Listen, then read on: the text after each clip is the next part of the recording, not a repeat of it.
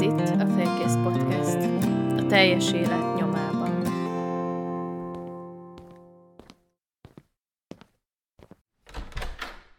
Sziasztok! Üdvözlök mindenkit! Ez itt az év utolsó epizódja, és ugye az előző epizódban, a 11-ben Judittal beszéltem az elmúlt évről, ahol reflektáltunk, hogy miken mentünk keresztül, és úgy gondoltam, hogy ezt az évet egy olyan epizóddal lenne érdemes lezárni, amely egy olyan időszakról szól, ami talán már a legtöbb emberek számára el is kezdődött, ez pedig ugye az ünnepek, és ezzel kapcsolatosan pedig gondoltam, hogy miért ne beszéljünk a, a fogyasztásról, legyen az az ételek, az alkohol, hiszen itt van előttünk a karácsony, és hát kivel mással beszéljek róla, mint egy dietetikussal, úgyhogy ismét itt van közöttünk dr. Galló Nóra, úgyhogy nagyon üdvözöllek, és köszönöm szépen, hogy fogadtad a meghívást. Szia Gabi, sziasztok! Én is nagyon örülök a felkérésnek, és szerintem is nagyon aktuális ez a téma, úgyhogy amikor mondtad, akkor lecsaptam a lehetőségre, hogy hát ha meg tudunk tényleg osztani pár olyan hasznos gondolatot, tippet, ötletet, amivel egy kicsit mégis egészségtudatosabban tudjuk ezt az időszakot kezelni. Sokak számára ez az időszak kihívását tud válni, és szeretnénk arról beszélni, hogy hogyan lehet kilépni ebből az ünnepi túllevésből, mert úgy gondoljuk, és én személyesen úgy gondolom, hogy mindenképpen lehet tudatosan készülni ezekre az ünnepekre, mértékelenni, és egyben élvezni is a karácsonyt én is azt gondolom, hogy a kettő nem zárja ki egymást, tehát attól még ugyanúgy ehetünk finomakat, ugyanúgy belefér a beigli is akár, de meg, meg mértékletesen az alkohol is, de hogyha pár úgymond alapelvet betartunk, vagy pár dologra odafigyelünk, akkor viszont meg tudjuk úszni az ünnepi ö, ö, időszakot, akár a, azok nélkül, a plusz kiló, kilók nélkül, amik ugye ilyenkor felszoktak ránk kúszni. És hát ez hogyan is nézett ki, talán kezdjük azzal. Régen kicsit másabb volt talán ennek az egésznek a koncepciója, ahol ugye december 24-én, és sőt ezt a napot is egy ilyen karácsonyi bölt előzte meg, ahol ugye a maga vacsora is eredetileg hús nélküli volt. A mai napig biztos vagyok benne vannak családok, amúgy az én családom is ezt követi a hús nélküli 24-e estét, de egyébként olyan ételeket ettünk, mint például bableves, mákos guba, de ugye újonnan már a halat, töltött káposztát is eszünk,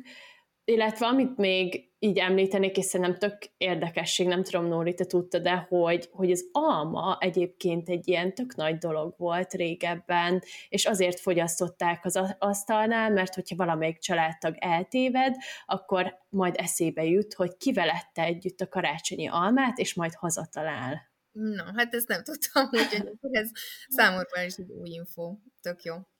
És hát maga ugye a, a karácsony, az ugye a gazdagsággal, bőséggel függ össze, és volt egy ilyen szokás is például, hogy egy üres terítéket raktak ki a váratlan vendégnek, vendégeknek régebben, Na és hát még biztos meg annyi szokás van, meg hát a római korra is visszanyúlhatunk, amikor előszeretettel étkeztek, majd hánytatták magukat, majd ettek újra, de hát igazából mi az, ami változott, és, és hogy néz ki a jelenlegi helyzet? Az ünnepek kezdete eléggé kitolódott, és Nórival a podcast felvétel előtt kicsit beszélgettünk, hogy ez nem csak november elejére, de már október végére helyezhetjük ennek a, a kezdetét, hiszen akkor például akkor van Halloween, akkor elindulnak a szép lassan a céges rendezvények, jön a Mikulás, veszünk egymástak adventi kalendáriumot, jönnek a baráti összejövetelek, karácsony előtt, után, majd maga ugye a főpont, eh, ahol tetőzik az egész a karácsony, és hát természetesen ilyenkor előkerül a, akár az alkohol is, nagyon sok ilyen esemény lemondásokkal is jár, és hát egy ilyen ördögi körbe tud kerülni az ember, ami vagy a túlfogyasztással kezdődik, majd egy ilyen kicsit ilyen elengedéssel, folytatódik és bűntudattal végződik, de ezt nézhetjük ennek a másik oldaláról is, ahol először érezzük a bűntudatot, majd rájövünk, hogy hát igazából nem most fogom megváltani a világot, és nem most fogok egy egészséges fit formába kerülni, úgy, hogy megengedhetem magamnak, ami túlfogyasztásba fog jelentkezni. talán Nóri, te is tudsz egy csomó ilyen példával jönni a vendégeitől. Mit, mit szoktak mondani egyébként az időszakkal kapcsolatban? Hát először is szerintem nagyon kevesen tudatosítják magukban, hogy ez inkább egy ilyen másfél-két hónapot felölelő időszak. Tehát ez valahogy úgy, úgy, úgy belecsúszunk ebbe, ebbe az ünnepi szezonba szinte észrevétlenül, és nagyon sokszor az alkoholfogyasztás is ilyen tulajdonképpen észrevétlen, mert hogy ezeknek a baráti összejöveteleknek, céges rendezvényeknek, ünnepléseknek, ugye a kocintás, az, az ilyen, hát te, tényleg teljesen természetes, úgymond összetevője, és hát ilyenkor azért valljuk be, nem is szoktuk azt sem nagyon számolgatni, hogy hanyadik pohár bort, vagy pesgőt, vagy koktélt, stb. fogyasztjuk. Hát ugye én egész évben tartok dietetikai konzultációkat, de nagyon sok van most is még így, pont így az ünnepek előtt, mert nyilván vannak egy csomóan, akik szeretnének erre felkészülni, vagy valamilyen olyan problémájuk van, ami tudják, hogy megnehezíti egy picit ezt az ünnepi időszakot, mert olyan bizonyos dolgokat ki kell, hogy zárjanak a, az étrendjükből, vagy olyan emésztőrendszeri tüneteik, panaszaik vannak, ami miatt nem minden fér bele, adott esetben alkoholra is értem ezt meg, meg a süteményekre, beiglire, stb.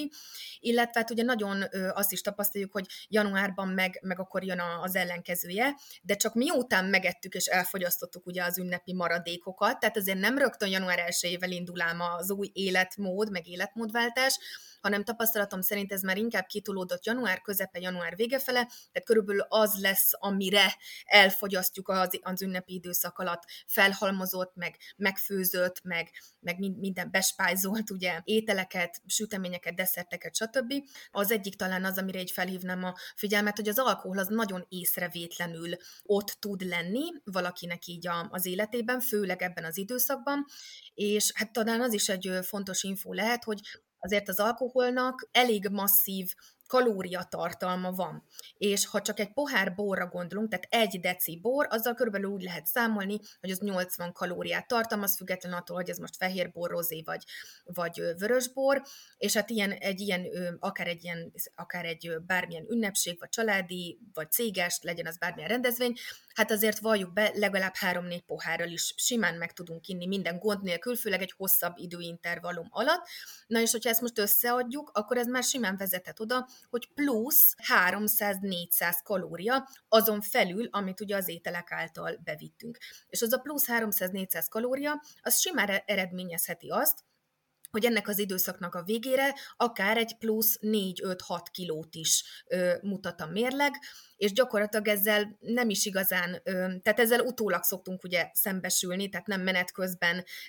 szokott ez feltűnni, hanem inkább akkor, amikor, amikor már megtörtént, de hogyha ezt így tudatosítjuk magunkban, hogy az alkoholnak is van jelentős kalóriatartalma, és ebben az időszakban is ugyanolyan fontos a folyadékfogyasztás és a hidratálás, és hogy az elsősorban vízzel történjen, akkor lehet, hogy ezt meg tudjuk előzni, vagy legalábbis egy aspektusára oda tudunk jobban figyelni és hát beszélhetnénk még a rövid italokról is, nem? Én szerintem a likőrök is ö, ugyanúgy népszerűek ebben az időszakban, ugye, ha csak ilyen Baileys, meg társaira gondolunk, vagy ezek az aperitívként fogyasztott italok, tehát hogy ezek, vagy, vagy akár a koktél, mert azért azt is, az, azok is egyre, egyre népszerű, szerintem mondhatjuk azt, hogy egyre népszerűbbek így manapság, meg ugye trendik, meg olyan jó mutatósak, tehát jól néznek ki ugye az ilyen ünnepi asztalon is, tehát ott akár egy-egy koktél esetében egy koktél is már önmagában 300-400 kalóriát is tartalmazhat. Tehát, hogy ez az, amit szerintem igazán sokkoló, és én csináltam egy ilyen rövid kis fejszámolást, hogy mondjuk egy ilyen, egy ilyen rendezvény, vagy, vagy családi összejövetel, vagy karácsonyi ebéd, vacsora alkalmával akár simán 4-5 ezer kalóriát is el tudunk fogyasztani, minden gond nélkül, természetesen ebben már az italokat is beleszámoltam, tehát hogyha most azt vesszük, hogy egy átlag felnőttnek, nyilván ezt persze abszolút én is támogatom azt, hogy ezt mindig egyénre kell szabni, de most így a, a számolás kedvéért, az egyszerűség kedvéért mondhatjuk azt, hogy egy átlag felnőttnek olyan körülbelül 2000, 2200, 2500 kalória a napi szükséglete,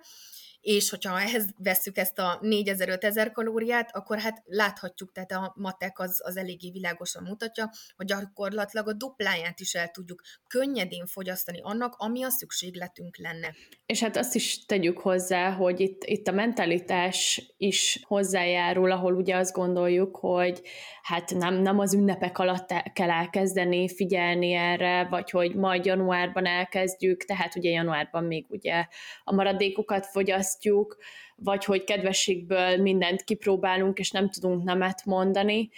Engem még az érdekelne, hogy a túlevésnek magának milyen hatásai vannak a testünkre érezhetünk, tehát mondhatnám azt, hogy ilyen direkt, azonnali, tehát akut hatása is lehet. Tehát például a, a leggyakrabban előforduló tünetek, panaszok, ugye valakinek ilyen reflux, vagy reflux-szerű tünetei, panaszai vannak, tehát nagyon ugye feszül a gyomor, tele van, lassabban, hát mivel ilyenkor általában többféle ételt is fogyasztunk, ugye plusz meg még ugye alkoholt is, ahogy beszéltük, nyilván ez, ez, ez megterhelő a szervezet számára, tehát ennyi mindent és ennyi félét ugye egyszerre úgymond kezelni, tenni, tehát lehetnek ilyen refluxos tünetek, panaszok, illetve hogyha ugye egyszerre eszünk nagyobb volument, tehát nagyobb mennyiséget, plusz az az étel adott esetben még zsírosabb is a kelleténél, meg még alkoholt is fogyasztottunk, akkor azért hasmenés is elég gyakran elő tud fordulni, és hát mondjuk szerintem egyik sem egy olyan dolog, amit mondjuk akár így vendégségben, vagy egy ilyen céges rendezvényen így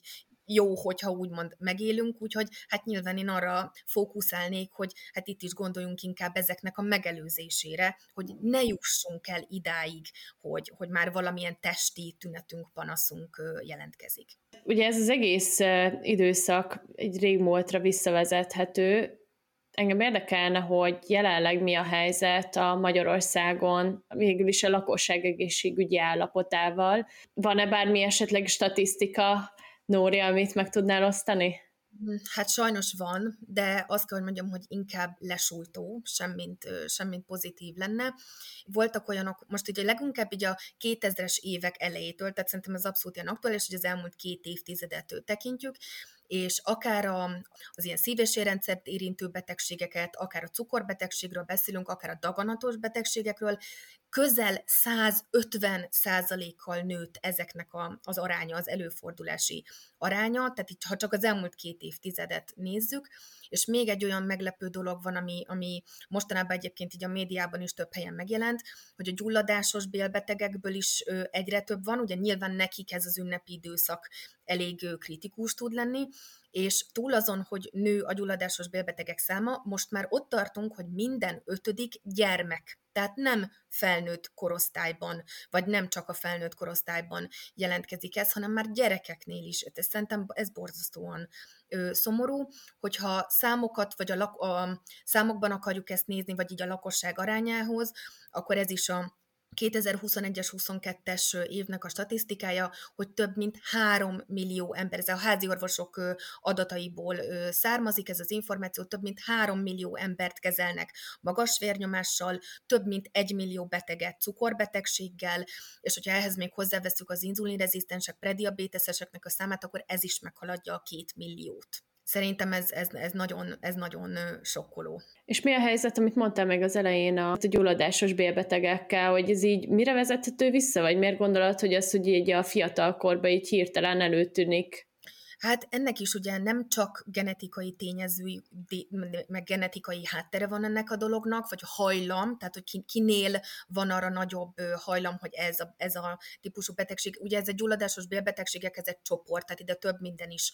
tartozik, de a lényeg a lényeg, hogy azt a gastroenterológusok sem vitatják, hogy az életmódbeli tényezők is abszolút közrejátszanak ezeknek a betegségeknek a kialakulásánál, és itt hát elsősorban talán az elég könnyen belátható, hogy ugye minden, ami a, amit elfogyasztunk, az szó szerint ugye keresztül megy a mi emésztőrendszerünkön, és hát mik azok az anyagok, ami, amik a legidegenebbek, vagy amivel nem igazán tud mit kezdeni a mi ö, emésztőrendszerünk, hát azok a mesterséges adalékanyagok, ízfokozók, tartósítószerek, színezékek, amik hát azért manapság sajnos azt kell, hogy mondjam, hogy, hogy nagyon sok termékben benne vannak. Itt most ezek, elsősorban ezekre a félkész, kész, csomagolt termékekre érdemes gondolni, de hát mondjuk a például ebben a szezonban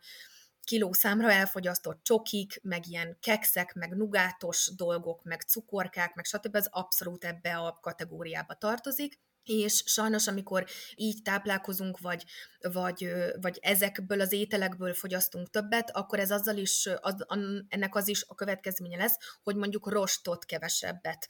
fogyasztunk, meg még mondjuk a folyadékbevitelünk sem éppen ideálisnak tekinthető, és akkor ha ezek a tényezők így összeadódnak, akkor azért ezek már tudnak provokálni ilyen típusú betegségeket is meg azt is tegyük hozzá, ha jól gondolom, hogy azért, ez, hogyha húzamosabb ideig fogyasztod ezeket, akkor jön elő. Persze, tehát nyilván nem egy-egy egyszeri, alkalomszerű fogyasztással van a probléma, hanem akkor, amikor ezek így rendszeresen a, az étrendünknek a, a, a részét képzik.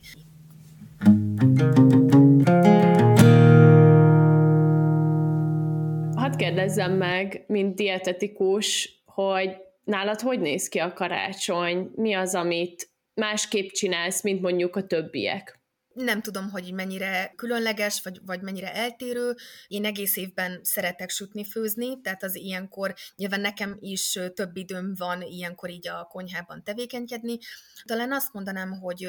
szoktam új recepteket kipróbálni, esetleg olyan kicsit izgalmasabb, kicsit szokatlanabb ilyen ételkombinációkat. Ha mondhatok így konkrét példát, akkor ezt egy pár évvel ezelőtt kezdtük el bevezetni, hogy a, hát ugye a Kelvin Bow az mondjuk amúgy sem a kedvencek közé szokott tartozni, úgy általában, de találtunk egy olyan receptet a kedves férjemmel, hogy a sült Kelvin Bow-t gesztenyével, vörös áfonyával, mi ezeket a halakat, tengeri herkentjüket is nagyon szeretjük így az egész családban, úgyhogy valamilyen ilyen ilyen hal, avagy tengergyümölcsei, valamilyen általában natúr, vagy valami speciális fűszert, fűszerkeveréket, marinádot, pácot használva készül nálunk, és inkább sem, mint mondjuk rántva, vagy rántott halként. Idénre is kitaláltam egy, vagy kitaláltunk egy, egy olyan ételt, amit még eddig nem készítettünk, és most szeretnénk kipróbálni.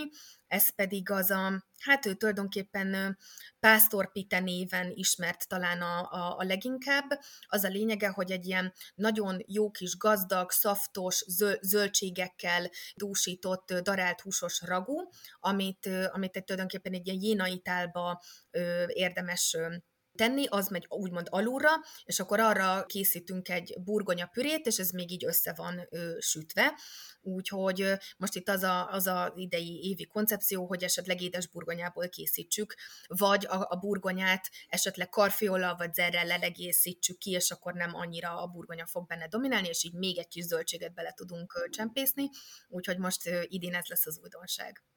szuperül hangzik, akkor ezek szerint az új dolgok és az új receptek kipróbálása nem egy, egy probléma a családban nálatok, ami szerintem egy jó jel arra, hogy lehet igenis kipróbálni más dolgokat. Én erre mindenkit bátorítani szoktam, hogy talán ilyenkor az embereknek picit több idejük van, jobban elmélyedni, akár mondjuk, hogy keressenek receptet, vagy beszerezni alapanyagokat, főleg, hogyha mondjuk van esetleg egy-két ilyen különlegesebb összetevő, akkor érdemes ezt, a, ezt az időszakot kihasználni, meg hát azért ilyenkor szeretjük a családtagjainkat lenyűgözni, elkápráztatni, és hát arra mi sem jobb, mint egy különleges étel, vagy egy különleges recept, ami mondjuk a többiek számára is ismeretlen, és akkor azzal így lehet másoknak is kedveskedni. Mi a helyzet a kenyérrel? Nagyon ugye híresek vagyunk arról, hogy a levest is kenyérre leszük, a káposztás tésztát is kenyérre lennénk, ha tehetnénk, és még sorolhatnám töltött káposztát és a halászlevet azt ugye mindenképpen,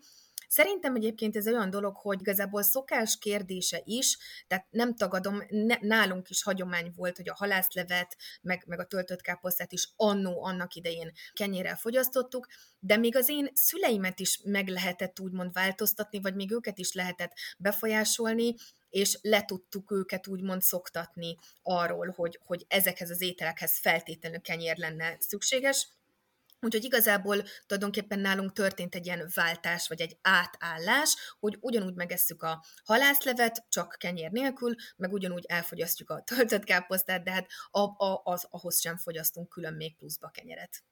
Én is szeretnék ehhez mindenképpen kapcsolódni, hogy a mi családunkban nálunk is a, a kenyérfogyasztás ez kicsit így lentebb ment, és uh-huh én talán azt mondanám, hogy egy kicsit ilyen egyéni helyzet vagyok, mert ugye én félig lengyel, félig magyar vagyok, tehát ez a két konyha elég erősen keveredik. Uh-huh. Viszont azt szeretném mindenképp mondani, hogy hát a lengyel konyha ez nem azt jelenti, hogy az mennyivel jobb. Ugyanúgy az emberek fogyasztanak egészségtelen ételeket, és szeretik a húst, stb. stb. És egyébként ez jellemző Dániel is, ahol jelenleg élek. Talán amúgy különbség az lehet a mi családunkban, hogy ugye 24-én odafigyelünk arra, hogy halat tegyünk, tehát a ponty, a hering kerül az asztalra, a gombás káposzta, azt nagyon-nagyon szeretem, és igyekszik édesanyukám szezonális ételeket hozni mindenképpen, és van egy dolog talán, amit én tudok ajánlani, az a, az a céklaleves, ami nagyon gyakori lengyel étel, és ott is egyébként tésztával leszik, és amit kitaláltunk az azt, hogy babba helyettesítjük, és ez nagyon szépen bevált. És ti hogy vagytok ezekkel az édességekkel, desszertekkel? Jó, hogy kérdezed. Egyébként a felvétel előtt felhívtam anyukámat, csak hogy így beszéljünk erről, hogy nálunk hogy működik, és tudom, hogy nagyon sok családban szokás a sütemények, sőt, az, hogy a sütemények nagyon nagy szerepet játszanak karácsonykor, nem tagadom, nálunk is van, de ebből kettő, max-max háromféle. Mm-hmm erre különösen szerintem odafigyelünk, hogy ne halmozzunk fel, feleslegesen nem kell háromféle különböző, vagy több mint három ö, sütemény. Persze a beigli ott van, és azt szívesen előszeretettel fogyasztjuk, de egyébként nem jellemző az, hogy, hogy felhalmoznánk.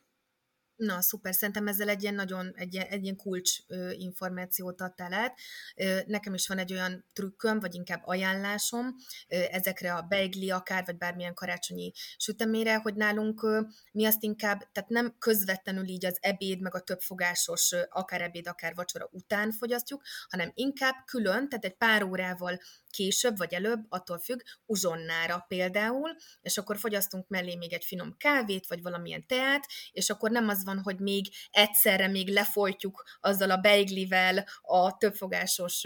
étkezést, hanem egy picit időben is elkülönítjük, ezáltal nyilván az emésztőrendszerünk is addig egy picit tud szusszanni, és, és még igazából talán jobban is esik az embernek, hogy, hogy külön, és akkor csak arra fókuszálva fogyasztjuk mondom tényleg egy finom tea vagy kávé kíséretében, viszont talán még az is segíthet, hogyha utána elpakoljuk. Tehát akár visszatesszük egy zárt dobozba, vagy lefedjük, hogy miért mondom ezt, hogy ne legyen szem előtt. Mert egy olyan, olyan úgy, úgy működünk úgy általában, ha ott van valami, ami gusztusos, finom, vonzai ugye a tekintetünket is, akkor óhatatlan, hogy többször nyúlunk ugye hozzá, és akár így mondjuk akkor nem két szelet beiglit meg, hanem így a nap folyamán akár simán, akár egy fél rúd, vagy egy egész rúd beiglit így tulajdonképpen elcsipegetünk, ugye nem egyszerre ettük meg, csak térülünk, fordulunk ugye a lakásba, konyhába, közben beszélgetünk, jó ízűen, stb de mindig ugye hozzányúlunk ugye egy-egy szelet beiglihez, viszont ezt úgy tudjuk talán a legjobban kiküszöbölni, hogyha elrakjuk, elpakoljuk, ne legyen szem előtt, ne legyen olyan könnyű, könnyen elérhető, és ugye könnyen hozzáférhető, mert így szerintem sokkal öm, egyszerűbb megállni, vagy tulajdonképpen nem kísértésbe esni. És mennyit ajánlasz, mennyit várjunk a főétkezés után az ilyen édességek elfogyasztásával? Hát én azt gondolom, hogy legalább egy két és fél három órát mindenképpen érdemes. Egyrészt ez úgy nagyjából lefedi a, úgymond a gyom, gyomor ürülési időt, tehát ennyi körülbelül, nyilván azért itt is ez, ez is mutat egyéni varianciát, de hogy körülbelül ez ezzel lehet úgy nagyjából számolni, illetve jó esetben ennyi idő alatt a vércukorszintünk is normalizálódik. Tehát, hogyha valakinek jól működő mm, anyagcseréje van, akkor azért így két és fél, maximum három óra elteltével már teljesen lefut úgymond az a, az a vércukor görbe, és visszaáll úgymond a kiindulási értékre, úgyhogy így én azt gondolom, hogy így, így sokkal jobban be lehet illeszteni ezeket az édességeket, legyen ez beigli, vagy zserbó, vagy kinek mi van így a, az ünnepi asztalon. Hm. Értem. Még, még én ehhez kapcsolódnék egy ilyen apró tippel, amit, amit én szoktam csinálni, vagy igazából most fogom először, mert amúgy nekem, hát arról nem beszéltünk talán, hogy a múltban meg ahogy így nő fel az ember, azért mindig jönnek elő olyan dolgok, ami, amitől nem megfelelő a kapcsolata az étellel, és én se tagadom, volt, amikor nem volt megfelelő a kapcsolatom, és karácsonykor inkább nem ettem kb. nem azt mondom, hogy semmi, de hogy semmi édességet nem ettem, nagyon-nagyon korlátoztam azt, hogy mit, mit ehetek és mit nem, nem ettem meg a tésztát a levesből, stb. stb. Szerintem mások is tudnak ehhez kapcsolódni. Azóta már átalakult egy ilyen jobb kapcsolattá, és igazából, ha édességről van szó nálam, az működik, hogy kicsit tervezek, átgondolom a fejemben, hogy oké, okay, akkor a családomnál majd valószínűleg lesz ez meg ez a süti, ebből egy félét fogok egyszer enni aznap, és ugyanígy a barátom családjánál egy sütit a Zalai valamelyik nem is tudom milyen nevű sütit, nagyon fura nevűek vannak, majd megkóstolom. És ez nekem nagyon sokat segít abban is, hogy tudjam, hogy, hogy mi az, amit megengedek magamnak, hogy ne korlátok között éljek, és ugyanúgy tudjam élvezni a, az édességek élményét. Na, szuper. Szerintem ez is egy nagyon fontos információ. Ugye itt ez már egy kicsit ugye a pszichológiának, meg dietetikának abszolút a határterülete, vagy egy ilyen közös, közös területe, ugye, hogy a, az étkezések és a lelkiállapotunk, mentalitásunk, az, az hogyan viszonyulnak egymáshoz. Ha azt gondoljuk, hogy van ilyen irányú problémánk, vagy valami olyan, amire, amit úgy szeretnénk, amin szeretnénk változtatni, akkor viszont mindenképp érdemes egyébként szakemberhez fordulni, és nem ebben az esetben nem csak dietetikushoz, hanem inkább pszichológushoz is, mert akkor úgy, úgy ketten együtt tudnak ezen a területen hatékonyan segíteni mm, de ez a tervezés és ez a mértékletesség, ez szerintem két megint nagyon fontos ilyen kulcs szó, amit így érdemes megjegyezni magunkban. Folytassuk ezt a témát, hogy, hogy milyen tipjeink vannak. Um, igazából biztos nagyon sok van. Fel tudnál hozni esetleg egy másik tippet? Mm, hát például a, most az alkohol témához megint akkor lehet, hogy visszakanyarodnék egy picit, mert hogy,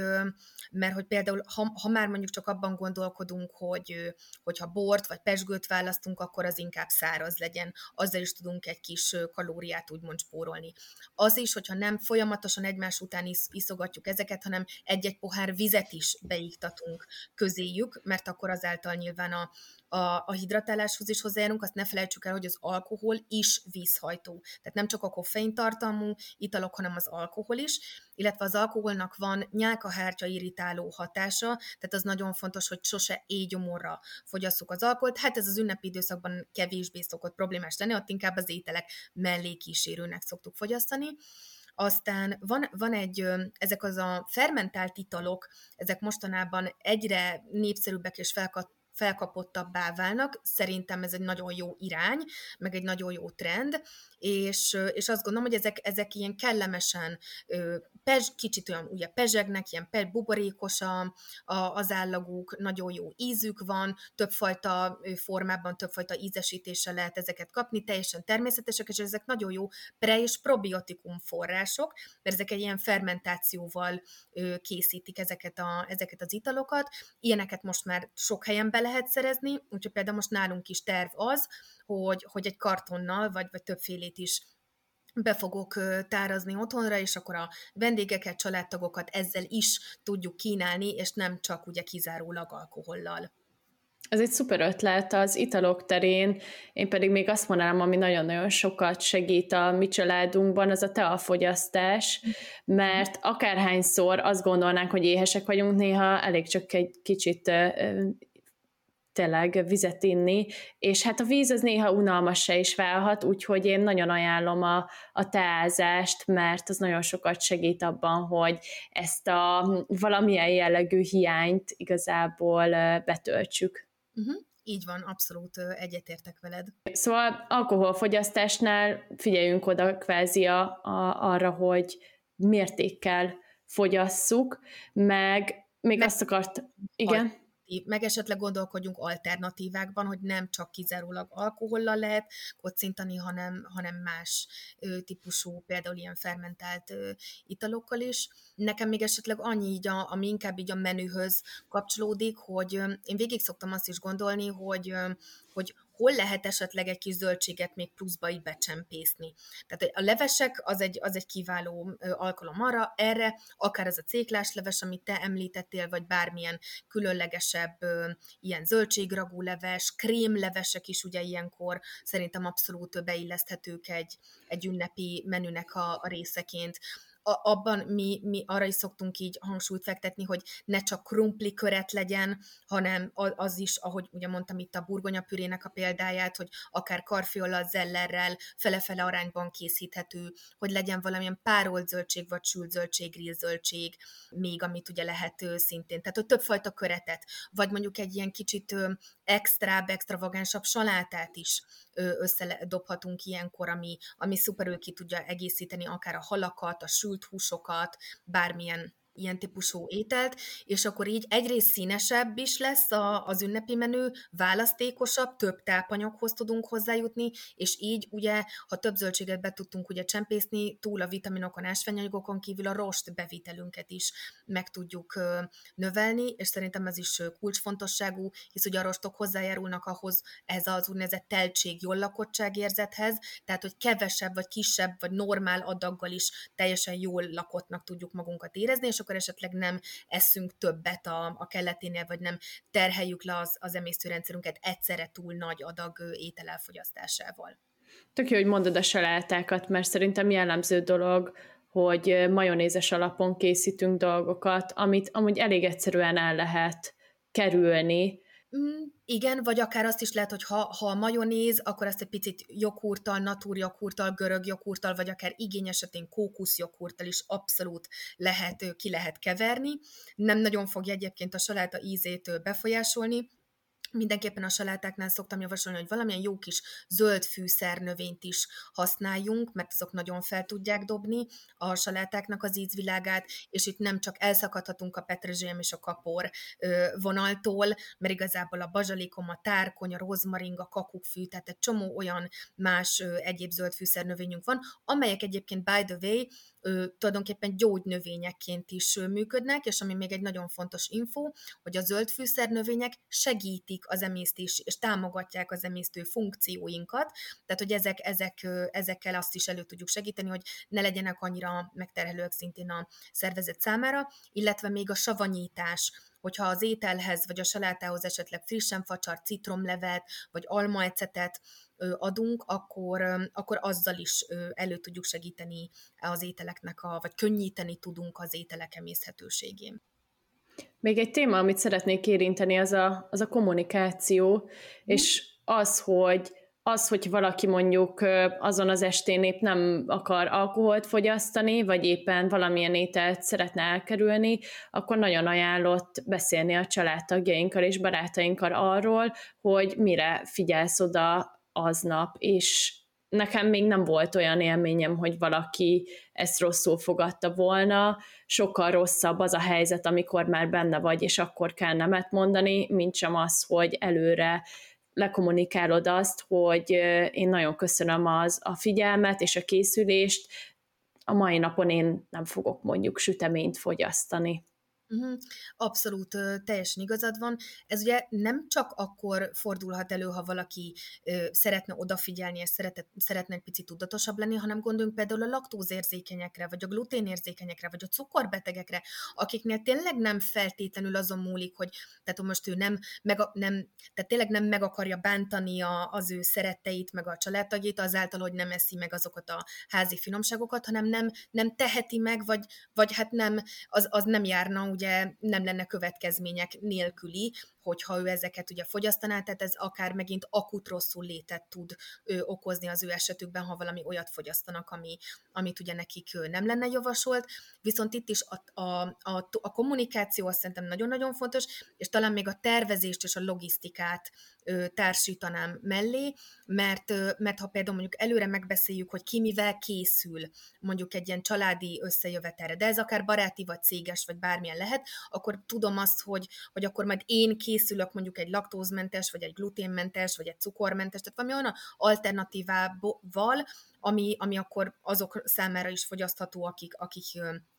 a, a hagyományosból vagy a többi ételből mondjuk kimaradnának, vagy pedig előre megbeszéljük mondjuk a családon belül, vagy barátoknál is, akár, a, akár együtt tervezzük meg a menüt. És akkor ott ugye az, akkor még ugye van az embernek beleszólása, hogy mit, le, mit szeretnék, mit, mit lehetne, ezt hogyan oldjuk meg, és akkor tényleg azon az adott napon már nincs ebből kellemetlenség. Ha, ha valaki, kerülhetünk azért olyan helyzetben mondjuk, hogy ö, messzebb utazunk, vagy olyan távolabbi vidéki rokonokat látogatunk meg, akik mondjuk kevésbé jártasak ezen a területen, hogy mondjuk laktózmentes, gluténmentes, cukormentes, stb. Ott én azt szoktam javasolni a betegeimnek, hogy akkor készüljenek egy kicsit, egy kis dobozkában vigyenek magukkal olyat, amit ők biztosan tudnak enni, legyen az egy mentes beigli vagy bármi, és akkor nem maradnak ki, úgymond, és akkor nem az van, hogy nekik ott végig kell nézni, hogy a többiek ott ö, esznek, és habzsidőzsi van, meg terül-terül így akkor ők sem maradnak ki, de azért a legtöbb esetben előre tervezéssel és előre, kommunik- előre kommunikálással még ezek az esetek is az többségében kiküszöbölhetők, vagy ezekre is tök jól fel lehet készülni. Megvonások kapcsán az jutott eszembe, és az érdekelne, Nóri, hogy mi a helyzet azzal, hogy vannak emberek, akik ezt bírják, hogy elfogyasztják a, a húsos, magas szénhidrát tartalmú, cukros ételeket így egybe, vannak, akik, akik pedig egyszerűen nem bírják. Ez mitől lehet? Hát nagyon egyéniek vagyunk, igazából szerintem az is már tulajdonképpen az is egy ugye adottság, hogy kinek mekkora gyom, gyomra van. Tehát itt szó szerint a gyomor űrtartalmáról beszélünk, meg a gyomornak a működéséről, a, az úgynevezett motilitásától, tehát a mozgása, hogy milyen gyors a gyomorürülés, mert valakinek gyorsabb, valakinek lassabb. Nyilvánvalóan, ha valakinek lassabb, akkor ő nem fog tudni mondjuk olyan akár több fogást is egyszerre megenni, vagy nem fog neki jól esni, illetve mondjuk lehet, hogy nála több idő kell, hogy elteljen két étkezés között, mire újra tud, mire újra megéhezik, és újra kívánja a, az ételt, és hát nyilván vannak azok, akik, akik ö, nagyobb gyomorral rendelkeznek, gyorsabb is a, a, az, ez az úgynevezett gyomorürülésük, és náluk ez kevésbé ö, problémás, de hát ahány, ahány ember annyiféle. De mondjuk itt, ha most egy kicsit még, még jobban bele, bele akarunk menni, akkor az, hogy kinek mennyi enzimet termel a szervezete, az is nagyon egyéni. Gondolhatunk itt akár a szénhidrátbontó, fehérjebontó, zsírbontó enzimekre, akár az alkoholt hatástalanító, vagy az alkoholt lebontó enzimre, vagy hogy konkrét példát említsek a laktáz enzim, az sem feltétlenül mindenkiben ugyanannyi mennyiségű laktázenzim és ugyanolyan hatásfokú laktázenzim termelődik. Nyilván ezek is olyan dolgok, amire a genetikája is hat ugye valakinek, Úgyhogy ezeket azt gondolom, hogy a legjobb az az, amikor az ember kitapasztalja, és érti, és tudja dekódolni a saját testének a jelzéseit. De szerintem ez is egy olyan dolog, amire úgymond edukálnunk kell magunkat, tehát hogy ez sem úgy van, hogy így akkor egyik pillanatról a másikra, hogy ez is egy inkább egy hosszabb folyamat, hogy megfigyeljük magunkat különböző helyzetekben, különböző ételek elfogyasztása után, milyen a közérzetünk, milyen az energiaszintünk, stb. És hogyha ezek már úgy megvannak, akkor nyilván ezekre a testi érzetekre lehet hagyatkozni. Én azt gondolom, hogy, hogy erőltetni senkinél sem illik, vagy szabad ö, semmit sem, tehát szerintem ez egy nagyon, hát hogy is mondjam, elavult, vagy, vagy hát ez nem egy túl modern szemlélet, ez a, ez a tukmálás, meg ez a na, de egyél, meg még egy kicsit, meg, meg, meg szedjél még egyszer, meg jaj, látom üres a tányérot, stb. Ezekre is egyébként szerintem meg lehet tanulni, vagy fel lehet vértezni magunkat olyan én nekem ezek esetleg ilyen előre betanult paneleket is lehet talán így mm, elsajátítani, hogy adott esetben tudjuk jól reagálni ezekben a szituációkban. Nekem nem megy, de igyekszem. Nagyon sokáig tanultam, tehát tényleg, meg már meg volt, én például a saját tapasztalatomat is meg tudom mondani, hogy én többször voltam tényleg szó szerint rosszul egy-egy ilyen vendégségben, vagy vagy amikor, amikor tényleg nem mertem nemet mondani, vagy nem, nem mertem azt mondani, hogy köszönöm szépen, elég, vagy most nem kívánom, de hát azért nem vagyok a saját magam ellensége, e, sajnos a saját bőrömön kellett, hogy megtapasztaljam, de így az évek során szépen, lassan, fokozatosan, apránként, nem egyik napról a másikra, de megtanultam ezt is, mert saját érdekem, hogy ne szenvedjek, és utána ne hasfájással kelljen mondjuk végigülnöm azt a több órás családi, baráti, céges, akár bármilyen összejövetelt, mert ha nyilván az ember nem érzi jól magát, fizikailag is diszkomfortja van, akkor az már a hangulatára is rá fogja nyomni a hatását, és nem fog tudni annyira felszabadultan mondjuk jól érezni magát, meg részt venni a beszélgetésekben, meg bármilyen tevékenységben, úgyhogy én azt gondolom, hogy, hogy ez mindenkinek a saját érdeke, hogy, hogy hallgasson a testének a jelzéseire, és tudjon vagy tanuljon meg nemet mondani bizonyos helyzetekben. Hm. Említetted az étkezések közötti időszakot, hát térjünk ki mindenképp a, a mozgásra vagy a sportra, mert az ünnepek alatt ez mindenképp elmarad. Én talán azt szeretném mondani, hogy persze a mozgás fontos, a sport fontos, én személy szerint biztosan sportolni fogok, viszont nem kell feltétlen mindenkinek arra gondolni, hogy akkor most neki meg kell váltani a világot. Lehet ez az a mozgás például két étkezés között egy séta is. Uh-huh. Abszolút. Szerintem hát a séta az ráadásul a legkézenfekvőbb, a legegyszerűbb, azt akár közösen is lehet a többi családtaggal vagy barátokkal, szerintem annak megvan a külön hangulata, amikor az ember így este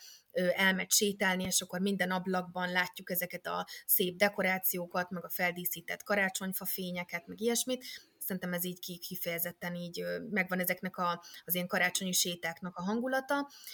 de akár abban is gondolkodhatunk, hogy egy ilyen 10-15 percben reggel, vagy este átmozgatjuk magunkat, reggel az, az nagyon segít abban, hogy kicsit felpesdítsük a vérkeringésünket, kicsit az alvás után újra, újra bejáratódjanak az izületek, az izmok, és egészen máshogy indul a nap, de ez akár tehetjük ezt este ilyen levezetőnek a részeként, és így az esti alvásra való ráhangolódásként is, ami jól esik. Tehát, hogy igazából itt, itt sem vagyok annak a híve, hogy bármit így erőltetni kellene, viszont az egy, az egy praktikus dolog így a sétához visszacsatolva, hogyha egy picit úgy érezzük, hogy túl lettük magunkat, vagy úgy érezzük, hogy úgy, hát úgy mégiscsak sikerült leterhelnünk az emésztőrendszerünket, arra is egy könnyed, laza 20-30 perces séta nagyon sokat tud segíteni, tehát ahelyett, hogy bekapkodnánk ezeket a vényen kapható, most nem mondom ki a nevét, milyen csodaszereket, ahelyett mondjuk egy kis laza, könnyed séta nagyon sokat tud segíteni, hogy ez a gyomorfeszülés, ez a, ez a has, akár puffadás, stb. Ez, ez oldódjon és ez enyhülni tudjon, úgyhogy már csak ebből a szempontból is, de szerintem mindenkinek jól esik egy kicsit kimozdulni otthonról, megmondom, ezt akár tehetjük közösen, nagyobb családdal, én azt gondolom, hogy ez egy, ez egy nagyon kézenfekvő dolog. Tudom, hogy elég sok dologról beszéltünk, és így benyomtuk az összes pillanatnyi tippünket, ami van így a karácsonyi időszakra, ami egy kicsit talán kétségbejtő lehet mások számára, és így a podcast beszélgetés végére én szeretném mindenképp hangsúlyozni azt, hogy ezek igen tippek, de nem azt jelenti, hogy mindegyiket meg kell fogadni, és lehet egy jó kezdés az is, hogy priorizálunk ebből egyet, kettőt, hármat, és ezekre fókuszálunk. Ezek mind végül is azt mondhatjuk, hogy szokások az életünkben, amik abszolút megváltoztathatóak. Én nekem van egy könyv, amit legutóbb olvastam, és egyébként ez már régóta megjelent, de még csak most került a kezeim közé. Ez a Atomi szokások James Clear-től, baromi jó könyv arról, hogy hogyan tudunk odafigyelni arra, hogy a jó szokásokat előtérbe helyezzük, és talán ez a könyv inspiráló lehet mások számára, hogy hogyan alakítsuk át ezeket a mindennapokat. Na, szerintem ez egy szuper zárszó, és én is csatlakoznék ehhez, hogy nem kell tényleg mindenre odafigyelni, de tényleg, hogyha valakinek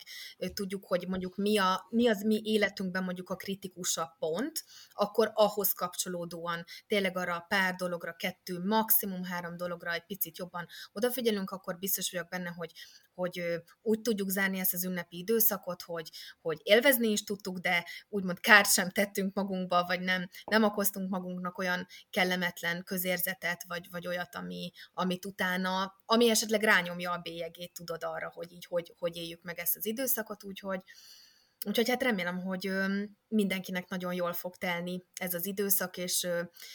túl azon, hogy finomakat teszünk és iszunk, azért más is kap fókuszt, mondjuk akár a beszélgetések, az, a minőségi együtt töltött idő, egy kis mozgás, picit több alvás, talán ilyenkor egy kicsit a stresszt is el tudjuk engedni, és szerintem ezek is így hozzá tudnak tenni ahhoz, hogy ez egy, ez egy tényleg egy jó évzárás, és egy jó új, új év indítás legyen. Hát ennél jobban nem tudtam volna befejezni ennek az epizódnak a végét. Köszönöm szépen, és azt is, hogy itt vagy, és adtál pár tippet mások számára. Ez volt az utolsó epizód az évben, és jövőre majd érkezem, és ahogy mindig, most is szeretném hangsúlyozni, hogy várom a visszajelzéseket, e-maileket, Instagramon, a Félkész Podcastra írjatok, hogy mi tetszik, mi nem tetszik, kivel szeretnétek beszélgetést hallgatni, beszéljek-e még Nórival, mert én nagyon szívesen beszélnék Nórival még, úgyhogy várom szeretettel ezeket a visszajelzéseket, és köszönjük, hogy meghallgattátok ezt az epizódot.